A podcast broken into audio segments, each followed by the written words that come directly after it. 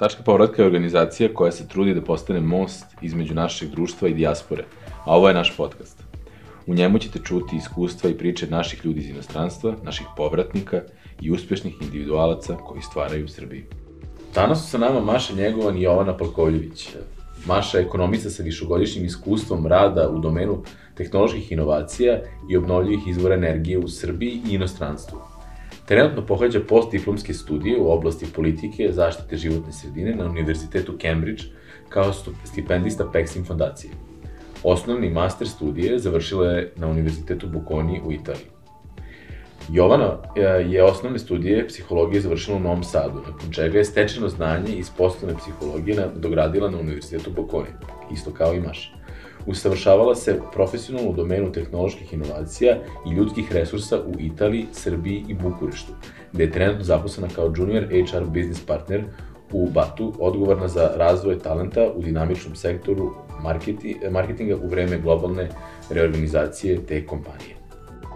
Brani, dobrodošli. U današnjoj epizodi razgovarat ćemo o tome e,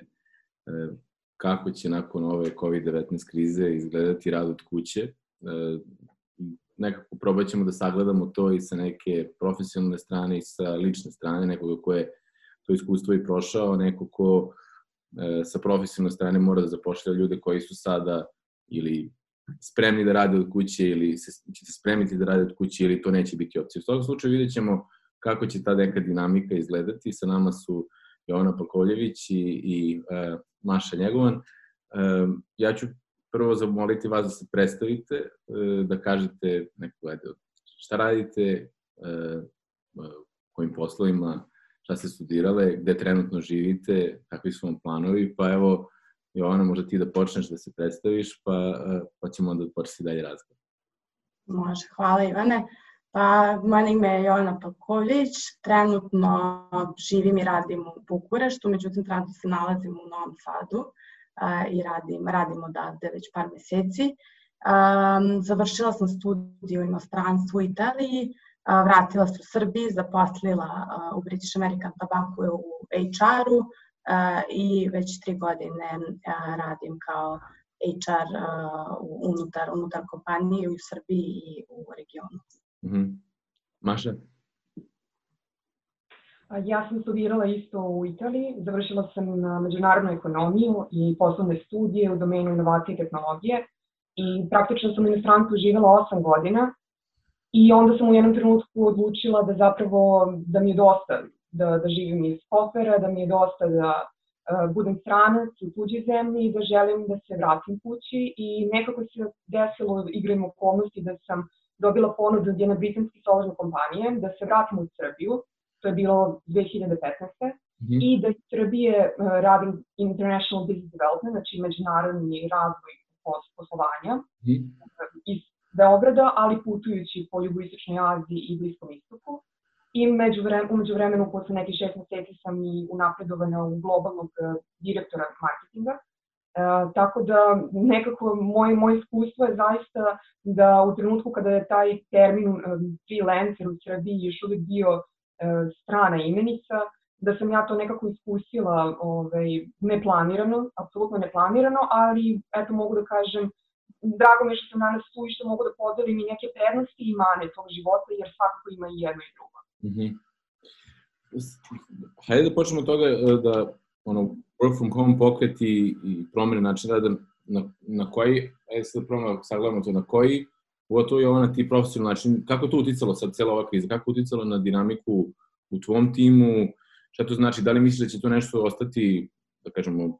dugoročno postavljeno, da li će zameniti kancelariju, u kom obimu, kako je to konkretno na, na, na vaš tim uticalo? Ja mogu da pričam stanovišta korporacije koja poprilično onako ima svoje neke procedure i police koje se pridržava. A, I kod nas se ta promena poprilično desila preko noći kao i kod, kod svih, međutim mi smo svi bili u kancelarijama, tako da smo praktično preko noći morali da prebacimo svoj posao a, i da se adaptiramo na rad od kuće, što a, zvuči onako poprilično jednostavno, ali u nekim, u nekim sferama rada je bilo poprilično komplikovano a, sa raznoraznih strana, sa raznoraznih tački, tačka gledišta. Um, što se tiče same adaptacije, vrlo savisi od svakog tima, ali što se tiče konkretno HR-a, mi smo praktično sve uspeli da, da uspeli smo da adaptiramo do nastoj situaciji. Evo, kao što, što sam već rekla na početku, ja trenutno radim iz Novog Sada, zapošljavam ljude koji su u Rumuniji i koji počinju praktično da rade tamo. Tako da nekako sve moguće kada, kada se hoće i uh, stvarno internet nam omogućava, omogućava sva, i što se tiče neke administrativne strane da podržavamo to. A, a što se tiče momenta šta će od toga ostati, ja se iskreno nadam dosta toga i to je jedan od projekata koji mi u suštini pokušavamo sada da, da implementiramo, da vidimo koji su to benefiti koji koje u stvari ova situacija COVID i način rada od kuće doneo, doneo našim zaposlenima i da nastavimo to, to da, da koristimo u, u budućnosti pošto poprilično, poprilično su ljudi zadovoljni ovakvim, ovakvim načinom rada i adaptacijom na istu. I to je, s obzirom da u mojom nekom prethodnom životu sam se bavio to co-living i co-working kao, kao, kao glavnom svojom preokupacijom i to je neka teza kojom, koju sam ja zagovarao kao da je rad od, od, kuće ili na distancu svakako budućnost ka kojoj se krećemo, ali interesuje me s obzirom da si u, u HR-u, da nije to samo rekrutment i ceo taj proces, nego održavanje kultura kompanije, je, je, da li se povećao broj nekih ljudi koji se žale, da li nekome, da li ste imali slučajeva u kome ljudi, ovo baš smeta ovakav proces, da ljudi rade od kuće, da li, da li su se, ne znam, prijavljivali kako, kako imaju problema sa bonom. Puno se govori o mentalnom zdravlju, pogotovo kao neko ko je dugo radio u kući, znam da moraš da odvojiš to radno vreme i, i ono, to, da kažemo, prostoriju, čak sam ja sam morao prostoriju u kojoj sam se fizički radio, a od one u kojima se odmaram. To je nekako, nisam mogao da, da, da radim i izborim u istom prostoru, jer nekako postalo previše konfuzno i stresno, pa ne znam da se ljudi javljaju sa tim problemima, na primjer. Da, pa praktično ono što, što definitivno u ovom slučaju isplivalo kao video jeste da koliko je jaka kultura kompanije, a, poprilično je imuna na ovakve, na ovakve promene. I na, naša kompanija stvarno promoviše određene vrednosti a, koje su nekako u skladu sa svim, sa svim ovim. Što se tiče samog rada, rada od kuće, a, poprilično je bilo teško prvih dve, tri nedelje i morali smo, mi smo dosta pomoći pružali čak i neke a, dodatne sastanke i razgovore sa ljudima smo imali, pogotovo ko ima porodicu i decu a, i praktično oni rade i uče deca kod kuće, tako da je vrlo teško naći tu tanku liniju između privatnog i poslovnog života i razdvojiti to. Ljudi su radili po više od 8 sati, prosto ne mogu da zatvore a, kompjuter, samo još nešto da odradim, pa ajde još malo a, da završim ovo. Tako da sigurno trebalo par nedelja da se ljudi adaptiraju na, na, ovu, na ovu promenu i tačno se vidi onako, um, koliko, su, koliko, ima ljudima, koliko ljudima trebalo u suštini i na koji način su se adaptirali. Ali taj moment da se razvoji privatni poslovni život je bio poprilično težak, pogotovo što je tamo bio totalni karantin. Tako da praktično ljudi nisu mogli ni, ni da izlaze napolje. Mm -hmm.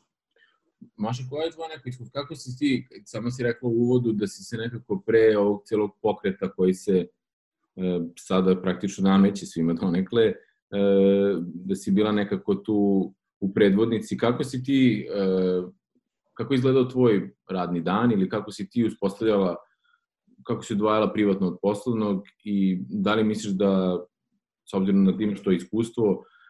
mi smo svi nekako, ajde da kažemo, većina ljudi je novo u tom radu od kuće zato što je bilo primorano, ali ti si neko ko je to već prošao. Pa šta ti misliš, šta nas čeka u nekom daljem periodu, pogotovo kada se oslonimo na to tvoje iskustvo koje je višegodišnje? Pa da, pa Ivane, na osnovu mog iskustva mogu da kažem svakako da i ove okolnosti sada rada iz kuće su zaista izvanredne i nešto što neće u budućnosti, nadam se zaista, predstavljati neku normalnu rad od kuće. Rad od kuće u nekom normalnom e, životu i normalnom periodu e, može da bude jako fleksibilan i jako dinamičan. To znači da nekada možeš zaista da ostaneš i da radiš od kuće, nekada kada je lepo vreme možeš da poneseš laptop i da se prikačiš na, na internet iz parka, nekada iz kafića, nekada i, i sa plaže ako imaš nešto brzo da završiš, imala sam i takve slučajeve zaista, tako da sam, ovaj, ja mogu da kažem makar iz ličnog iskustva, zaista imala i uživala jako veliku fleksibilnost tog rada od kuće, a opet kad kažem taj rad kod, kod kuće često čak i nije bio rad kod kuće, nego rad iz zaista različitih prostorija. Jedno vreme sam uh, radila i iz ICT Hub-a i mhm. to mogu da kažem taj neki rad iz coworking space-a, pošto naravno i ti, ti ovaj, i sam znaš koliko, koliko beneficija donosi takav način rada, prosto jer si okružen ljudima iz najrazličitijih branši, tu dolazi do konstantne razmene znanja i učenja, e, tu su konstantno i neke, neki seminari koji se održavaju i kojima možeš da prisutuješ posle radnog vremena, tako da iz mog nekog ličnog iskustva zaista rad iz, e, iz, e, u, u atmosferi koja je nešto drugačija od one standardne korporativne kancelarijske atmosfere, zaista može da ima više struke koristi za, za zaposlene. Mm. Ali više, recimo, to je zanimljivo. Ja sam, s obzirom da sam iz te industrije, iz, iz coworking industrije, u tokom ove krize razgovarao sam sa puno prijatelja i vlasnika coworking prostora i svi su u problemu, naravno, zato što glavni biznis im je to, ali e, sada kada su se stvari malo relaksirale, oni još uvijek ne vide iako da kažemo imamo povećan broj ljudi koji mogu da rade do neka od kuće, imaju problem i sa likvidnošću i sa, i sa, sa, sa, sa, sa stanarima, zato što su mnogi stanari odlučili da ipak ostanu kod kuće, da ne dolaze više u coworking prostor, da li iz nekih ono, zdravstvenih ono, brige razloga ili zato što, ali jednostavno taj, taj, taj deo industrije i, i ja i ti se tu slažemo da, da, ovaj, da coworking kao tako vrsta nekako fleksibilne radne atmosfere u mnogo čemu doprinosi upravo tome, da, da, da možeš da razmenjaš svoje ideje sa drugima, ali u ovom trenutku e, ta industrija je pod mislim, ogromnim pritiskom i pitanje je koliko konkretno coworking prostor u Srbiji će ovo da preživi ovu celu krizu. Naravno, nakon toga će neki novi verovatno dođu na mesto, ali veliki problem. Ali upravo u, skladu sa tim coworking prostori u Srbiji, coworking prostori u inostranstvu nemaju baš isti modus operandi, pa nije, me zanima i to e, kada si to radila freelance, odakle si radila? Si radila iz Srbije ili si radila e, za, za inostrano tržište pre svega ili e, i sa kime si najviše komunicirala? Meni stvari interesuje šta je tvoje neko viđenje, kakva je razlika između kako se freelancing percipira u Srbiji, a kako u inostranstvu, s obzirom da imaš nekako obostrano iskustvo? Da, ja bih samo se osvrnula na, na tvoj komentar što se tiče coworking uh, tržišta. Uh, mislim da je to neki trenutačni utisak, jer naravno svi smo se našli pod zaista nepredviđenim okolnostima, predstoji nam prema mnogim stručnjacima i velika ekonomska kriza i naravno da u ovom trenutku svako gleda da uštedi svaki dinar i naravno da u ovom trenutku nije popularno izdvajati možda neki 50, 100 ili više evra mesečno na, na, na neki prostor koji nije neophodan ali mislim da je to kratkoročno, jer u trenutku kada se ekonomija i prosto cijeli svijet vrati u normalu, ja sam sigurna da će ljudi pokitati van kuće, jer će nam, e, opet kažem iz ličnog iskustva, e, ti možeš da radiš od kuće možda 2, 3, 4 meseca, ali kao što ti sam rekao, u nekom trenutku će ti dostaviti prosto da nemaš potrebu da se središ, da se našminkaš, da se, prosto da se, da se, e, da izađeš iz te neke svakodnevnice i prosto imaćeš potrebu da razvojiš kućni život od poslovnog života. Mhm. Tako da mislim da je to jedan kratkoročni efekt, a iz mog ličnog iskustva ja sam radila uh, iz Srbije, a pokrivala sam globalno tržište. Naša kompanija, sedište je bilo u Londonu mhm. i kao globalni direktor marketinga zaista sam putovala preko pet kontinenta, tako da mogu da kažem koliko sam radila uh, iz Srbije, toliko sam imala i sreću da, da, da provedem dosta vremena na uh, putovanjima i u, u, u stranim zemljama. Tako da tu sam se nekako i naučila ovaj, od samog početka jednoj velikoj fleksibilnosti, ali s druge strane jednoj velikoj disciplini.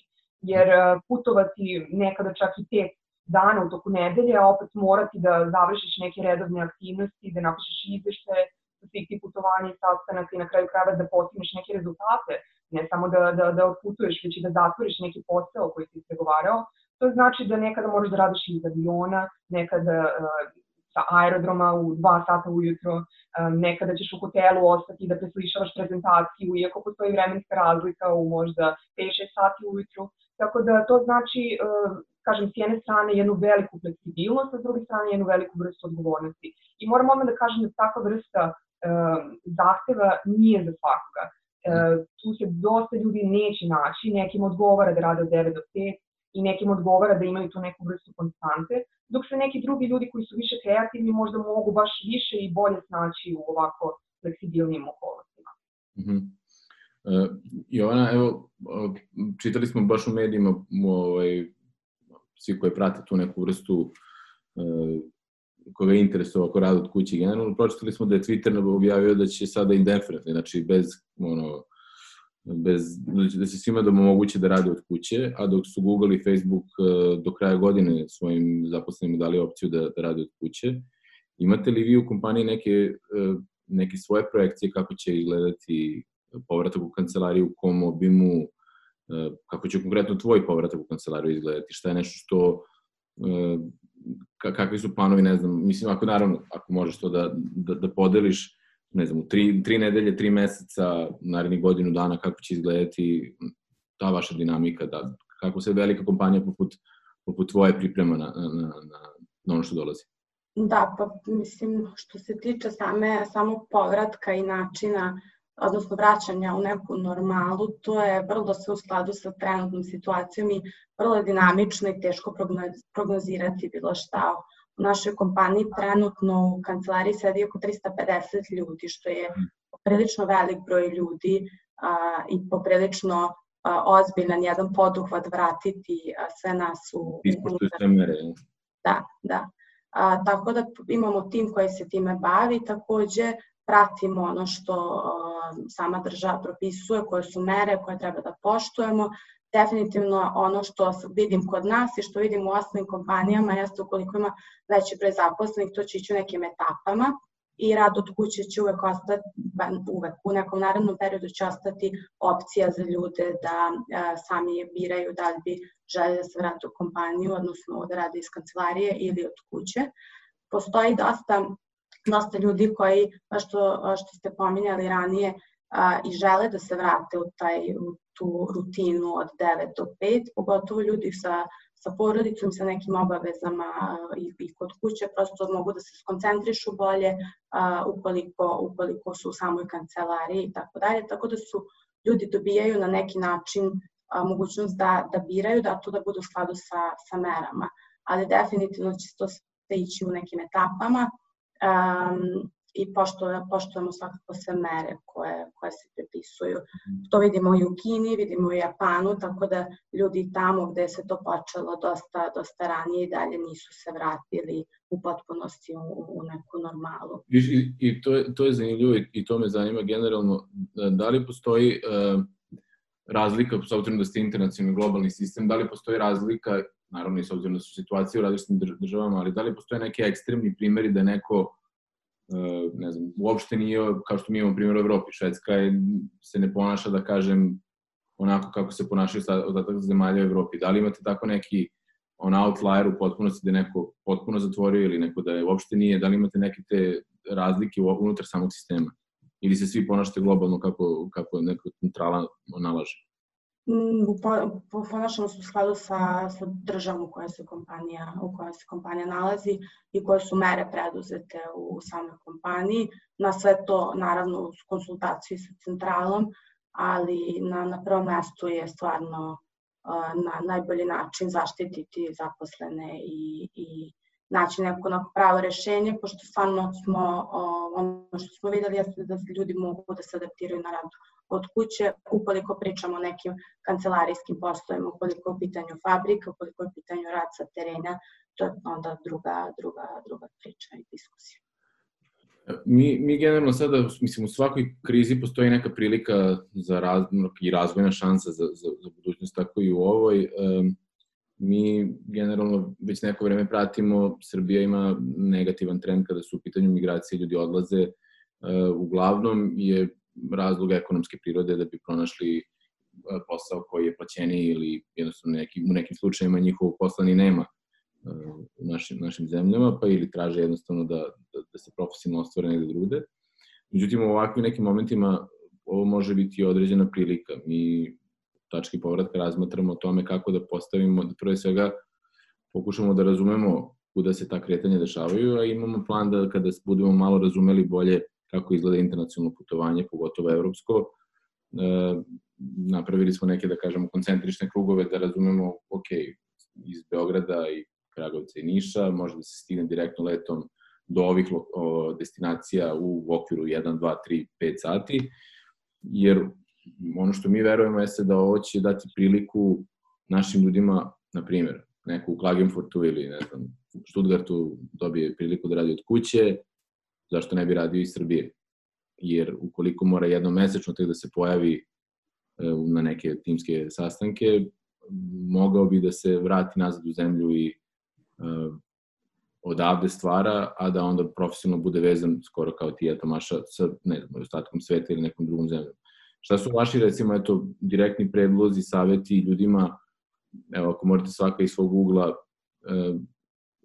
kako se u toj situaciji postaviti, nama neke savete kako da priđemo tim ljudima, evo recimo Jovana ti takođe možeš profesionalno kako da kažeš, kako da, da neko pregovara za tu poziciju, da bi dao neke, da sada daš neke alate ljudima da kažeš ok, ukoliko ovako ispregovarate, mo, mo, možete dobiti priliku da radite kuće. Neko jednostavno, šta su vaši savjeti s obzirom na ovu neku našu ideju koju imamo za par meseci da pokušamo da aktiviramo kada sve bude normalizovano, šta bi se savjetili nama i neko ko bi bio korisnik tih, da kažem, ajde, pogodnosti koje bi se tvorile. Može, evo, recimo, Maša, ti s obzirom da si, kako kažem, taj, taj put već prošla, šta, šta misliš da bi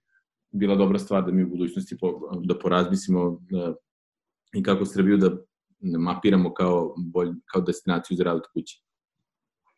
Da, pa im pre, pre svega rekla bih da je Estonija pokazala da se takvi projekti mogu vrlo uspešno napraviti i sprovesti za vrlo kratko vreme. U slučaju Srbije i u svom ličnom slučaju, uh, ono što vidim kao prednost za poslodavce u inostranim zemljama um, ovakvog načina rada jeste to što oni u tom slučaju ne bi plaćali poreze i doprinose na plate, tako da oni samim tim mogu čak da zadrže i, i celu tu neto platu i da plate isplate ovaj, zaposleno neto platu u, u, u, u Srbiji, a da i dalje profitiraju, da kažemo od toga. Um, ono što vidim kao neku vrstu, um, kako da kažem, kamena spoticanja, ukoliko to postane masovno, jeste to što bi te zemlje u inostranstvu, njihove, njihove vlade zapravo e, ne bi imale u interesu da domaće kompanije isplaćaju plate stranim državljanima koji uh, ne troše u toj zemlji, tako? Tako da bih nekako vama sugerisala možda neku vrstu uh, bilateralnih sporazuma. Ako recimo želite da se takva vrsta saradnje napravi sa kompanijama iz Nemačke, na primjer, da se onda sa nemačkom vladom ispregovara neki taj paket ovaj, uh, paket aranžman mhm. koji funkcioniše tako da te domaće firme zapošljavaju naše uh, zaposlene i po nekim specifičnim uslovima mogu da ovaj, uh, posluju na, na taj način gde, gde su ti naši srpski građani uh, bazirani u Srbiji. Uh, s tim što često ono što sam ja videla iz svog iskustva i iskustva drugih freelancera jeste da sam freelancer ostane s neke strane oštećen ukoliko bude na ugovoru kao konsultant, odnosno paušala, tako da osnoje svoju uh, paušalnu ranju, pre svega zbog toga jer je vrlo ranjiv u smislu da uh, ta kompanija iz inostranstva može vrlo lako da otkaže ugovor i da taj zaposleni preko noći ostane bez posla i ostane na nekom ovaj, minimalcu koji je um, efektivan u tom trenutku u Republici Srbiji. Mm -hmm. Tako da ovaj, s nekog možda vrlo dobro, dobrog ovaj, platnog um, platnog aranžmana spada na, na neku socijalnu pomoć, što i, i takako nije, nije poželjno. Tako da, da ne bi došlo do takvih nekih situacija, pretpostavljam da ne bi bilo loše da se razmutri neka vrsta tih bilateralnih ili multilateralnih sporazuma, možda čak sa zemljama Europske unije. Mislim da prvi korak treba da bude da se proceni iz kojih zemalja zapravo mi želimo da povratimo te naše ljude, a naravno gledajući prvo na zanimanja koje realno, realno, realno mogu da rade um, iz, iz Srbije uh, dok su zaposleni za, za inostrane kompanije. Mm -hmm. Jovana, imaš li ti neki samostav o tome? Ja mogu da podelim u suštini ovo što, što trenutno vidim, um, jeste da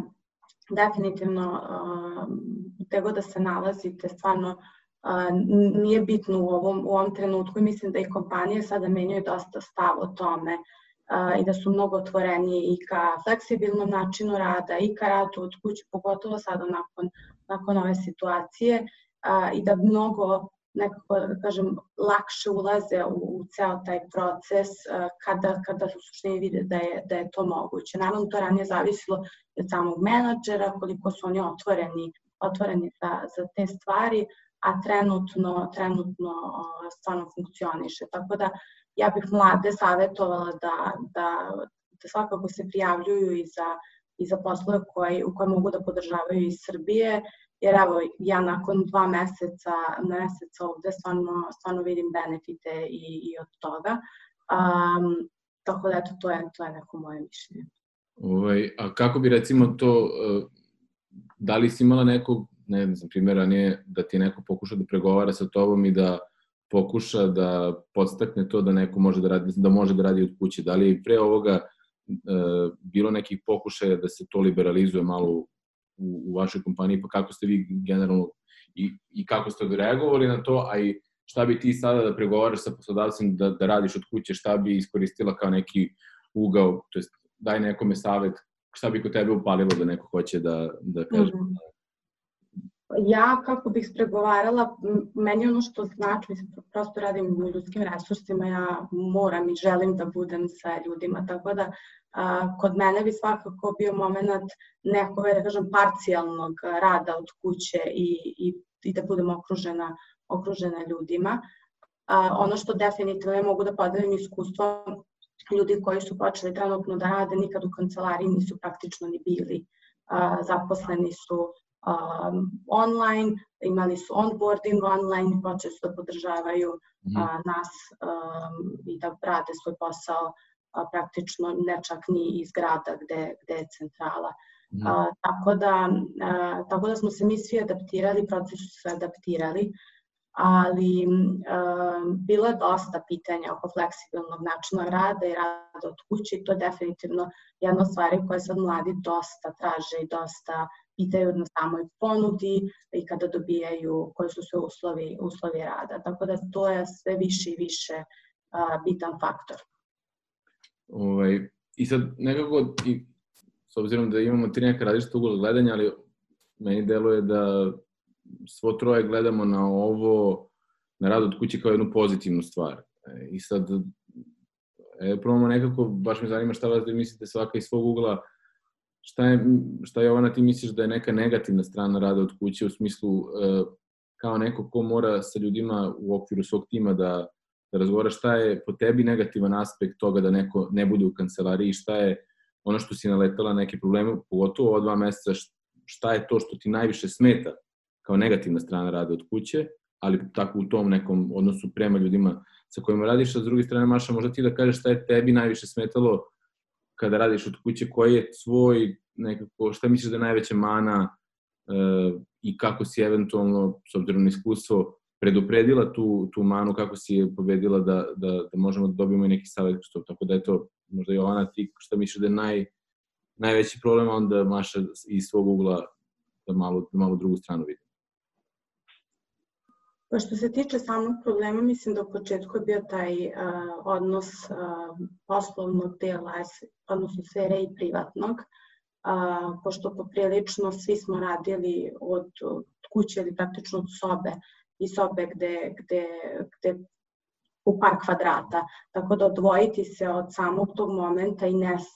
da nema slanja mailova posle 5, 6, 10, tako da taj moment da se odvoji privatan i poslovni deo je poprilično bio izazovan. Ono što meni dosta pomoglo jeste što sam ja praktično već godinu i po dana, dve, radim sa tim ljudima mhm. svakodnevno. Tako da meni moment da mi ne sedimo u kancelariji, nego praktično ra razmatramo i pričamo oko nekih stvari online nije, nije predstavljao problem, ali u suštini to bi eventualno bio, zato što poverenje koje ti stvoriš unutar tima na neki način i, i se gradi vremenom i mislim da uživo je poprečno drugačiji, drugačiji osjećaj.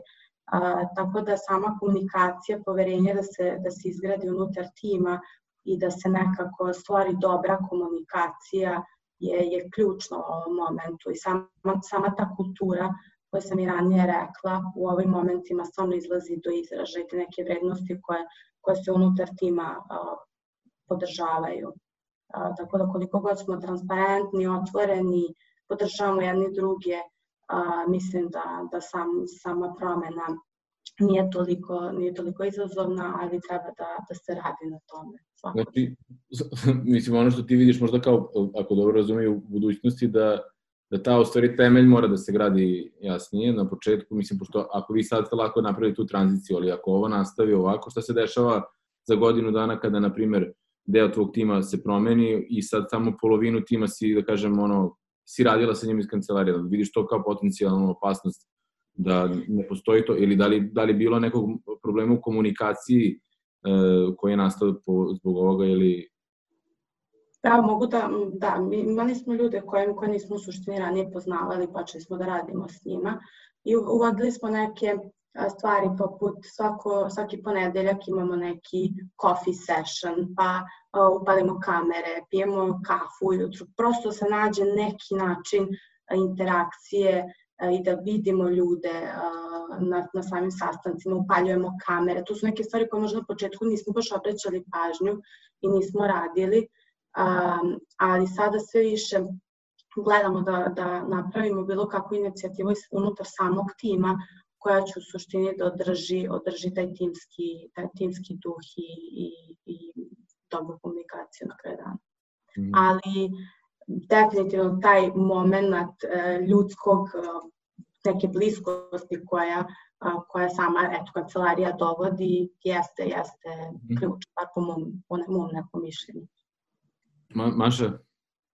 Apsolutno se slažem sa Jovanom i um, rekla bih opet da nadovezala bi se iz mog iskustva da um, mi smo imali jednu dobru praksu koja je baš uspela da, da izgradi taj timski duh između nas zaposleni koji smo dolazili zaista iz um, preko 20 zemalja, a s druge strane da nastavimo taj, tu dinamiku rada od kuće. I to je funkcionisalo tako što smo s vremena na vreme se svi nalazili na nekoj određenoj lokaciji, nekada bi to bilo u centrali u Londonu, pa bi onda i zaposleni iz, iz svakog regiona, zapravo ključni,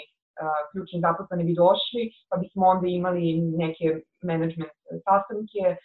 neke društvene događaje takođe, gde bismo mogli bolje da se upoznamo i gde bi mogla da se izgradi ta ovaj, društvena dinamika, tako da je dosta bilo čak i par puta godišnje da se sastanemo na taj način, bilo u centrali ili na nekoj konferenciji ili na nekom sajmu, tako, tako da ostanemo prosto i, i, i nastavimo da nadograđujemo tu, tu ovaj, poslovnu i, i međuljudsku dinamiku. I u našem slučaju to zaista jako dobro funkcionisalo. E, mogu da kažem da s obzirom da sam radila marketinški posao i da sam sarađivala sa grafičkim dizajnerom, rad e, kada niste zajedno, prosto kada ne sedite zajedno, možete kako da bude izazovan. Jer mislim da prosto mnogo je lakše bilo um, na početku kada sam radila recimo sa grafičkim dizajnerom iz Coworking Space-a, mnogo mi je lakše bilo da samo pokažem na kompjuteru šta želim, gde da se pomeri, koji delić, naročito kad smo dizajnirali štandove i mhm. sajmove.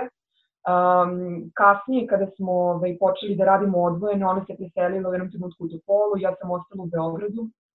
Uh, mislim da je ono što je ključno bilo za našu uspešnu saradnju je upravo to što smo uspostavili jako dobru komunikaciju u prvim danima naše saradnje, mm. tako da bi ona već znala šta ja želim i kada bi dala neku smernicu, ona bi već predupredila nekih par koraka, tako da nije, nije zatevalo, zapravo naša saradnja nije zatevala fizički kontakt, ali opet s druge strane um, nisam sigurna koliko je dugoročno um, prosto rad uh, gde je cijeli tim rasepkan i radi sa različitih mesta, iskreno nisam sigurno dugoročno koliko je to recept za, za, za uspeh, ukoliko s vremena na vreme makar nema neke vrste i tog uživog kontakta. Mhm. Da, tu je do, zanimljiv primjer ovaj, mislim da se Automatic ili Autom, Automatic, kompanija koja u principu uh, je održava WordPress ceo, mislim, to je vlasnik WordPress portala, oni su remote u potpunosti već ne znam koliko godina, oni imaju to jednogodišnje okupljanje cele kompanije i nekoliko puta godišnje malih, manjih timova u okviru kompanije. I to kao funkcioniše, imaju, mislim da na Glassdooru su ocenjeni kao jedni od najboljih poslodavaca, kao neko ko ko ovaj, u principu pruža najbolje uslove i da je to jedan od glavnih benefita, a to je, kažem, kompanija koja, kažem, duže od svih nas prolazi kroz ovaj proces da rade od kuće, na njih ovo uopšte nije uticalo, ovaj, jer, jer im je takva kompanijska kultura. Um, Ja mogu samo da, da dodam, a, mislim da onaj jedan deo koji ovde a, poprilično što bitan jeste da jedan deo ljudi svesno ulazi u, u rad od kuće, odnosno freelancing, a jedan deo ljudi je ceo život navikao prosto da radi od 9 do 5 i za njih je ovo poprilično velika, velika promena trenutno. Tako da su to neka dva načina a, pogleda na, na rad mm. koji poprilično sam sigurna ljudi koji su freelanceri, koji su to svesno odabrali, ne bi želeli da, da budu od 9 do, do 5 unutar kancelarije i tako i, i u suprotnom slučaju. Tako da to je, to je onako prilično velika, velika razlika kada što se desilo s ovom situacijom. A, a koja je recimo, sad opet da probamo da nekako rašlanimo, ko, ko, koji su neki alati koje koristite koji vam pomažu u radu od kuće? Konkretno, ajde da kažemo, Jovana, ti u komunikaciji sa timom, da li postoje neke određene, konkretno, baš primeri alata koji su vam se možda aktivirali u poslednjih par nedelja, a, a Maša ti je, imaš duži track rekord, tako da šta su neki alati koje recimo ne koriste ljudi koji rade tradicionalne posle rade tradicionalne iz kompanije, šta je nešto što, što, što vam ili Ajde da samo da probamo da proširimo, ne samo i na, na softverska rešenja koje svako od nas koristi da bi neku produktivnost podigao, nego koje su možda i neke tehnike u smislu da li imate planirane pauze koje pravite, da li imate neki raspored koji ste sebi nametnuli, da li ste uveli sebi neka dodatna pravila ponašanja da biste izmimikovali to da ste na poslu ili E, tako da kažemo, to neki, neki alati sa jedne strane, a sa druge strane neke tehnike, da, trikovi kako da, da, da povećate produktivnost ili da jednostavno sprečite da se ta anksioznost, e, da si stalno u prostoriji u kojoj radiš, takođe da, da se to predupredi. Znači, ili na kraju krajeva, da li ste neki, Jovana, to, to pre svega tebe sada ovo zadnje, da li ste neki manual postali ljudima kako da se ponašaju, ne znam, da li ste na taj način pokušali da, da pomognete svojim kolegama. Tako da, evo, možda Maša, koji su, ti, koji su to alati koji kroz ove godine koristiš ili neke tehnike, rekla si jednom trenutku moraš, se biti, moraš biti disciplinovan. Šta to znači konkretno kod tebe disciplina? E, kako je ona uspostavljena? I tako da daj nam malo provedi nas možda kroz to, pa onda će Jovana da se nadole na tebe. Da, pa s obzirom da sam upravljala timom i to ljudima koji su bili zaista raščepkane po širom, širom sveta zaista, od Amerike do Azije, Latinske Amerike i tako dalje. Planiranje je zaista bilo ključ svega. Planiranje pre svega mojih prioriteta i mojih projekata u okviru određenog meseca, u okviru određenog kvartala i u okviru cijele godine na kraju krajeva,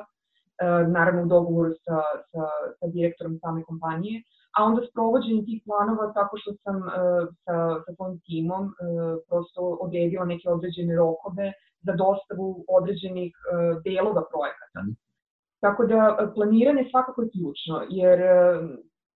prosto bez, bez planiranja nećemo mm. znati da li, da li, da li uspevamo da, da, da idemo da napravimo progres uh, po, po određenim rokovima. Tako da za to sam koristila različite neke alatke. Trello je možda bio jedan od, mhm. od da kažem, tih alatki koji su mi dosta pomogle. Ali opet, um, čini mi se da čak i te alatke nisu za svakoga. I onda u nekom trenutku smo shvatili možda su meni više značile nego nekim određenim članovima tima, tako da um, u nekom trenutku smo zapravo odlučili, a stvarno smo isprobali svašta od, od tih alatki, uh, kako su dolazile i Slack za komunikaciju i naravno na kraju krajeva i Whatsapp i Skype i tih komunikacijnih mreže, svašta nešto na kraju je ispalo zaista da je najbitnija ta komunikacija. To može da bude čak i putem maila gde se taj neki plan rada iskomunicira zajedno sa rokovima i onda po mom iskustvu je najbolje nekako dati fleksibilnost e, toj određenoj osobi da sama organizuje svoje vreme. E, dokle god su, su rokovi ispoštovani i, i posao je određen, mene kao menadžera, a ni, moje nadređene apsolutno nije interesovalo da li neko radi 3, 4, 5 sati, neko može da bude visoko produktivan i da radi sa plaže i da dostavi i da, da prosto dostavi taj projekat na vreme, a dok neko može da sedi iz najboljeg kancelarije, najboljeg kancelarije i da mu treba možda nekoliko dana i, i više i da prosto kvalitet rada ne bude na nivou. Tako da mislim da pre svega ta, ta, ta fleksibilnost treba da se dozvoli zaposlenima, dokle god su ciljevi unapred definisani, mislim da ne treba biti problem i ako neko radi možda van 9 do 5 radnog vremena, što je u mom slučaju apsolutno bilo uh, više produktivno nego... To, to kaže, kako si konkretno na tvom primjeru, kako izgleda tvoj jedan dan? Da li si ti imala neke, neke konkretne, rekla si to da ti je bitna bila samo disciplina i to je sigurno da to, mislim, svakome je bitno da se to što je planirano ispoštuje, svi mi imamo neke targete koje jurimo bez obzira sedimo, sedeli u kancelariji ili ne, jednostavno to je nešto što, što, što je svakome, e, ali šta je konkretno, recimo tvoja neka, šta je tebi pomoglo da budeš produktivnija? Da li imaš neku, ne znam, rutinu ili ritual koji ti je možda specifičan?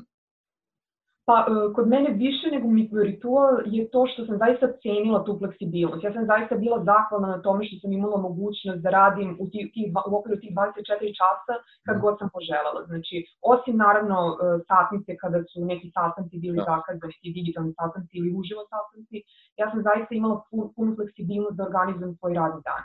I s obzirom da sam jako cenila tu fleksibilnost, bila sam motivisana da recimo ako nekada u toku dana izađem sa prijateljima na ručak i produžim možda taj ručak na 2-3 sata ako je lep dan, da onda to kompenzujem kad se vratim kući i možda ako je lepo vreme u toku dana radim iskoristim to vreme da budem napolju i odradim neke privatne obaveze i u roku naravno radnog vremena kada je većina biznisa i otvorena, uh, onda da iskoristim to neko noćno vreme kada nemam neke druge obaveze da, da radim u to noćno vreme. Tako da sam nekada čak i vikendima zaista, znači dešavalo se da uh, zaista ja totalno rotiram svoj raspored ako sam nekada putovala, bila previše umorna, provela dva dana u avionu, bila jet lagovana, onda bi sebi dala oduška recimo taj jedan dan da se oporavim, pa bih onda svoj posao završila tokom vikenda. Tako da, uh, zaista mislim da, da je zahvalnost za, za tu fleksibilnost koju imamo prilikom rada od kuće nešto što treba da nešto što treba da usadimo sami sebi. Ja bih rekla da je to pre svega jedna velika rutina, jer ako na taj način pristupite poslu, vi možete da otputujete sutra danas i na Zlatibor ili na Kopaonik ili na more, čak i da ponesete taj svoj laptop, dokle god ste disciplinovani i odredili ste šta u toku tog dana očekujete sami od sebe da završite, a budete realni pritom i kažete šta biste očekivali da ste sedeli u kancelariji od 9 do 5 i to završite, znači apsolutno je nebitno da li ćete vi raditi to posle ponoći, vrlo rano ujutru ili u roku predviđenog eh, dana od 9. Da, tebi nije bitna raspored, tebi je bitna to-do lista, to je ono što je... Tako je, tako je. Joana? Što, što se tiče samih um, alata, pokriću tu par pitanja koje su, koje su bila, pa ću podeliti moja iskustvo, pošto poprilično smo mi pokušali da se uskladimo tih 9 do 5, ali s obzirom da sam bila u Srbiji, mi posle 5 nismo mogli da izlazimo napolje. Mm -hmm. Tako da sam ja poprilično morala da promenim svoj, svoj način rada kako bi uopšte mogla bilo šta da, da uradim to u toku dana. Um, tako da se sam raspored, ta fleksibilnost uh, promenila a, i to poprilično meni lično bio, bio veliki izazov a, kako, da, kako da se uskladim a, u raspored koji mi je na neki način kompanija nalaže da bude 9 do 5 s obzirom da su u tom, a, u tom, u tom vremenskom okviru sastanci, a ja praktično bih onda bila 24 sata uh, u istoj sobi, ne bi mogla da, da izlazim. A, tako da sam morala da budem fleksibilna, da nađem neki način kako da sebi dam 2-3 sata neke pauze u toku dana, pa onda to nadoknadila uveče i to je to fleksibilnost i to poverenje kojima smo već pričali, koje su ključni, jer samim tim onda mi, mi imamo poverenje u naše zaposlene da, da, da rade slične, slične stvari u suštini. A što se tiče alata, mi što,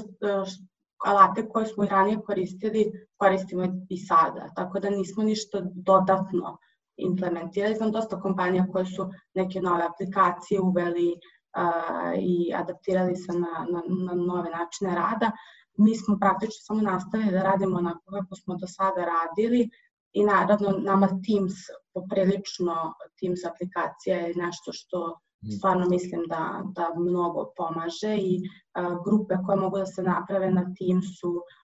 uh, i kolovi koji mogu da se naprave na Teamsu, ima jako puno sad nekih novih uh, dodataka. Tako da, definitivno pored mailova, Whatsapp i Teams je nešto što, što, što koristimo i uh, što se tiče samih, uh, ajde da kažem, nekih alata, stvari koje smo pokušali da, da, da uvedemo jeste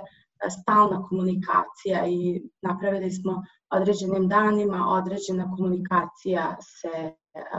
objavljuje, odnosno mailovi se, se šalju, koje u suštini sam videla da zaposlima poprilično znači, da li je to sami statusi o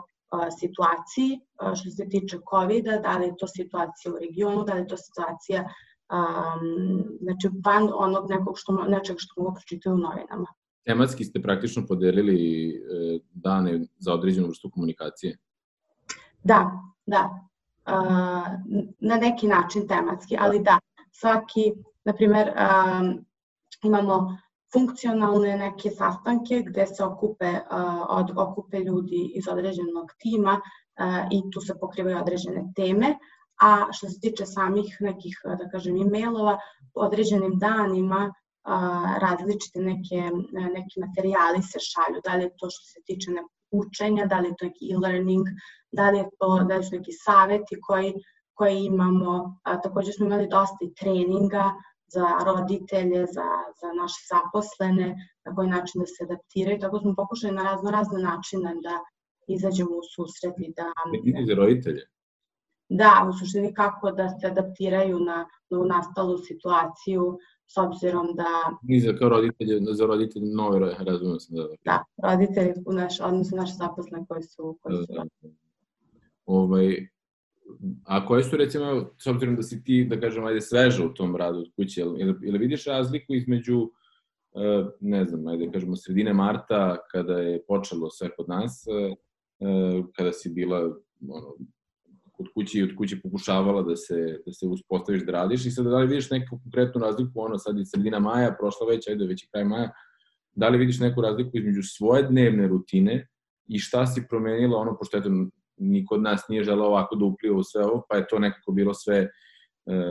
hektično, a sada kada se već stabilizovalo, da li si uvela ti neke svoje lične interne procedure za sebe, da li imaš ti neke rituale, šta se promenilo od sredine marta tebi u tvom načinu kako pristupaš poslu, kada otvaraš kompjuter, kada zatvaraš ili kad ne čitaš više mailove, u odnosu na sad kraj, kraj maja? Da. Um, pa moja to-do lista je isto nešto što mene vodi, ali, ali da, dosta, u stvari primetila sam da dosta svoj kalendar na neki način blokiram i pravim sebi, um, odnosno blokiram neko vreme za, za sebe toku radnog dana, a ono što sam nastavila da radim jeste da stvarno gledam da nakon nekih pet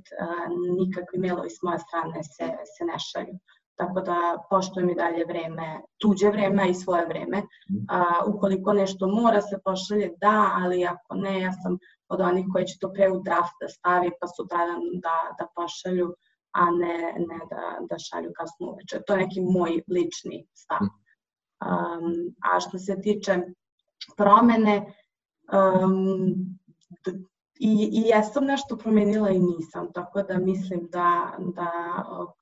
poprilično u martu smo se adaptirali, mm. tako, da, tako da ne vidim sad neku značajnu promenu, osim tako je bila eksterna, da prosto od pet nismo mogli da izlazimo iz, iz kuće, pa sam se tu, tu morala da se, mm. da se mhm. adaptiram. E, dobro, imam sad ovako jedno pitanje koje je možda malo off topic, ali obe ste studirali u Milanu i, i obe ste ono, sa, sa istog faksa u različitim eto vremenima, ali s obzirom da je e, Milano nekako jedan od gradova koji je najžešće pogođen ovime, koje su kako, kako ste se osjećali ono lično, da li vam je, da li vas je to pogodilo? I to je nekako i oko pitanje i za kraj, e, pa jer interesuje me kao neko ko je ne, četiri godine živo u Luganu, koji je na eto, 80 km odatle, meni je bilo nekako jezivo što je toliko blizu kući i to pa, ono, close to, heart, close to, the, to the heart, tako da me interesuje kako ste vi generalno i ovu e, epidemiju, pandemiju proživele generalno ovako lično i kako je taj moment, s obzirom da ste obe živjeli u Milanu, da li je na vas ima poseban neki značaj utice? Ajde, Jovana, možeš ti, pa ti si skorije, mislim, skorije bila, pa... Pa svakako, kako da ne, svakodnevno sam se čula sa, sa prijateljima i kolegama koji, koji su tamo. Mhm. Mislim, prosto to grad gde, gde, gde smo živeli i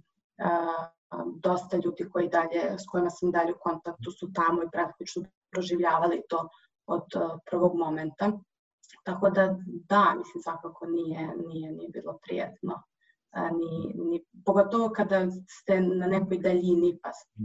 taj, taj odnos je onda još onako stresni, kad niste tamo, pa stvarno ne možete ništa ni da pomognete, ni da, ni da obradite. Mm -hmm. Maša? Da, pa svakako je bilo jako neprijetno kada smo slušali one zastrašujuće vesti preko medija o situaciji u Milanu. Ja imam tamo puno jako bliskih prijatelja, imam i porodicu koja, koja tamo trenutno živi, igram slučaja, sestra tetke mi se baš porodila baš u vreme korone, tako da um, ono što sam ono što sam primetila, ono što je mene nekako da kažem učvrstnulo u, u, u cijeloj ovoj situaciji je to što sam videla jednu jako veliku dozu ovaj, uh, hrabrosti kod tih ljudi, kod, i kod moje porodice, kod prijatelja, svi su se oni nekako zaista jako čvrsto nosili sa cijelom ovom situacijom. U jednom trenutku nisam videla da su paničili, čak i ta rođaka koja se porodila, bila je do samog kraja zaista baš, baš onako veliki, veliki ovaj, borac i, i svega toga izašla kao da je prosto nešto najnormalnije. Mm -hmm. Da ovaj, mogu reći da čini mi se da, da eto, italijani, zahvaljujući njihovom tom pozitivnom duhu, zaista da su ostali hrabri i pozitivni kroz celu ovu situaciju i to je ono što me je zaista okuražilo. Stvarno, hvala vam obema na, na, na razgovoru, jer ideja ovih razgovora jeste da se upravo e, povede neka diskusija o najrazličitijim elementima koji se donekle dotiču i naše dijaspore i, i kako izgleda ono raditi iz Srbije, raditi iz, iz inostranstva. E, kažemo, ovo je još ovako nekako još uvijek su igravamo, ali hvala vam što ste bile, što ste bile gošće ove, ove emisije. E, sigurno da ćemo se u nekom, nekom, nekom drugom povodom, nadamo se nekim i malo stresnijem e, u nekim sredstvenim okolnostima i, i fizički naći u nekom studiju da, da porazgovaramo o, o temama koje su nam interesantne. E, tako da i da nadamo se da ćemo iz ove, iz ove krize upravo kao što smo neko, neko, u, u razgovoru pomenuli izaći i snažniji, da ćemo pronaći neke prilike u tome. E, ja vam želim stvarno puno sreće profesionalno, privatno e, i kao neko ko je direktor programa za cirkularne migracije, na, ono, nadam se zaista da ćete u nekom trenutku da procirkulišete ponovo nazad ovaj, kroz, kroz Srbiju, pa negde da se sretnemo i da pričamo o nekim, o nekim još boljim temama. Tako da hvala vam puno. Hvala tebi.